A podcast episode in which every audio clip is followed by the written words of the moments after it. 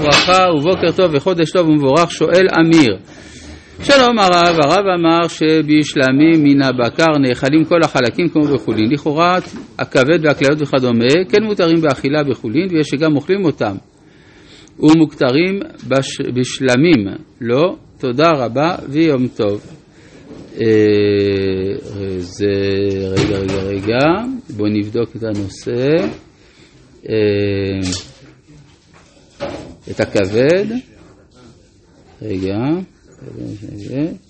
היותרת על הכבד, הכבד עצמו לא קרב, כן, אה, לגבי הכליות, לא ראיתי מישהו שאוכל כליות. אה, שואל שני, בוקר טוב הרב, יש טוענים שכלי נשיפה משפיעים על הראש, כלי מיתר על החזה וכלי הקשה מתחת לשרעפת. למה בבית המקדש מקריבים את הנמוך ומנגנים בחצוצרות, ובפולחן עבודה זרה מקריבים מהגבוה ומקצבים בתופים. תודה רבה ויום טוב. אני חושב שהיו משתמשים בכל כלי הנגינה בבית המקדש, לא רק בחצוצרות. טוב, אה, אנחנו ממשיכים בפרק ד' של ספר ויקרא. אז אנחנו מדברים על אה, חטאות של אנשים מיוחדים. אז למשל, החטאת שמביא כהן המשיח. אם הכהן המשיח יחטא לאשמת העם והקריב על חטאתו אשר חטא פר בן בקר, תמים לשם, לחטאת. קודם כל הוא מביא פר ולא מביא כבש, בגלל מעלתו הוא צריך להביא מן המובחר. והביא את הפר אל פתח אוהל מועד לפני השם, ושמח את ידו על ראש הפר ושחט את הפר לפני השם, ולקח הכהן המשיח מדם הפר והביא אותו אל אוהל מועד, וטבע על הכהן את אצבעו בדם, ועיזה מן הדם שבע פעמים לפני השם את פני פרוכת הקודש. זה מה שנקרא חטאת פנימית. מה ההבדל בין חטאת פנימית לחטאת חיצונית? חיצונית, קרבה, אדם נשפך אך ורק על המזבח החיצון.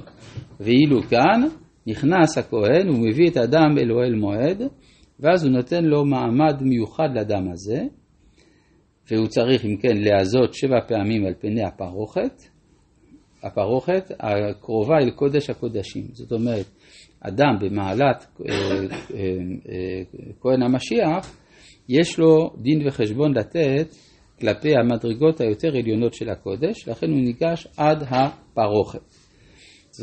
למה לא לקודש הקודשים? קודש הקודשים זה כשהוא בא לכפר על כל ישראל, כאן הוא בא לכפר על עצמו. אז זה לא אותה מדרגה, ונתן הכהן מן הדם על קרנות מזבח כתורת הסמים לפני השם אשר באוהל מועד. ואת כל דם הפר ישפוך אל יסוד מזבח העולה אשר פתח האוהל מועד. אז כלומר, דמו של הפר הזה טעון הזיה על הפרוכת ועל מזבח הזהב, ושירי הדם היה שופך על יסוד מערבי של מזבח החיצון. למה מערבי? כי זה מול הכניסה אל אוהל מועד. מה העניין של הקרבה על הקרנות, כן? הרי סתם דם של עולה או של שלמים, זה קרב על אדם נשפך על קירות המזבח. אבל כשמדובר בחטאת, אדם ניתן גם על קרנות המזבח. מה יש בקרנות? הקרנות זה למעלה מן הגג. כן, כלומר המזבח באופן טבעי הוא בנוי כמבנה אה, מרובע, שיש לו גג מרובע, רבוע אפילו, וממנו בולטים קרנות.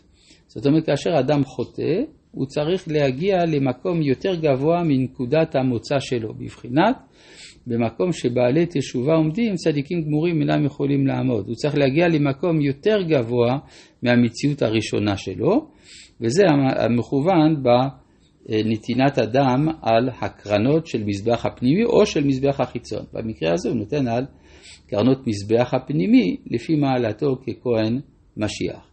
זאת אומרת שהמזבח הפנימי שהוא לכאורה רק לקטורת, שזאת העבודה היותר מופשטת, היותר רוחנית, זה משמש במקרה הזה גם לכפרה. ואת כל חלב פר החטאת ירים ממנו, את החלב המכסה על הקרב, ואת כל החלב אשר על הקרב, ואת שתי הכליות, ואת החלב אשר עליהן אשר על הכסלים, ואת היותרת על הכבד, על הכליות יסירנה, כאשר יורם מישור זבח השלמים. והקטירם הכהן על מזבח העולם. זאת אומרת, אה, מבחינת האמורים זה אותם האמורים, ועל מה עם כל השאר? הרי, אה, ואת אור הפר, שבדרך כלל האור, למשל של קורבן עולה, ניתן לכהן, ואת כל בשרו, על ראשו, ועל קרעיו, וקרבו ופרשו, והוציא את כל הפר אל מחוץ למחנה, אל מקום טהור, אל שפך הדשן, ושרף אותו על העצים באש, על שפך הדשן יישרף. כלומר, זה מה שנקרא פרים הנשרפים. פרים הנשרפים זה, זה פר שבשרו, או כל מה שהיה אפשר להרוויח ממנו, נשרף. עכשיו, למה? אפשר להגיד שזה מצד שאנחנו לא רוצים ליהנות ממנו. השאלה למה לא רוצים ליהנות. אם היה אפשר להגיד שזה בגלל שמדובר על חוטא, אבל חטאת נאכלת לכהנים. אלא מדובר בגלל שהדם נכנס אל מקום פנימי יותר, אז אין בידי האדם יכולת להיפגש עם הקדושה הזאת. ולכן החטאת הזאת נשרפת, כמו כל חטאת פנימית. זה כמו שלמשל משה אומר על, אה, על, על אהרון ובניו אחרי מות נדב ואביהו, מדוע לא אכלתם את החטאת? למה שרפתם אותה? הן לא הובא את דמה אל הקודש פנימה. אם, מובאת, אם היה מובא דמה אל הקודש פנימה, אל תוך אוהל מועד, חטאת פנימית, הייתם שורפים. אבל לא הובא דמה, את דמה אל הקודש פנימה, לכן הייתם צריכים לאכול אותה. אכול תאכלו אותה בקודש, כאשר ציוויתי.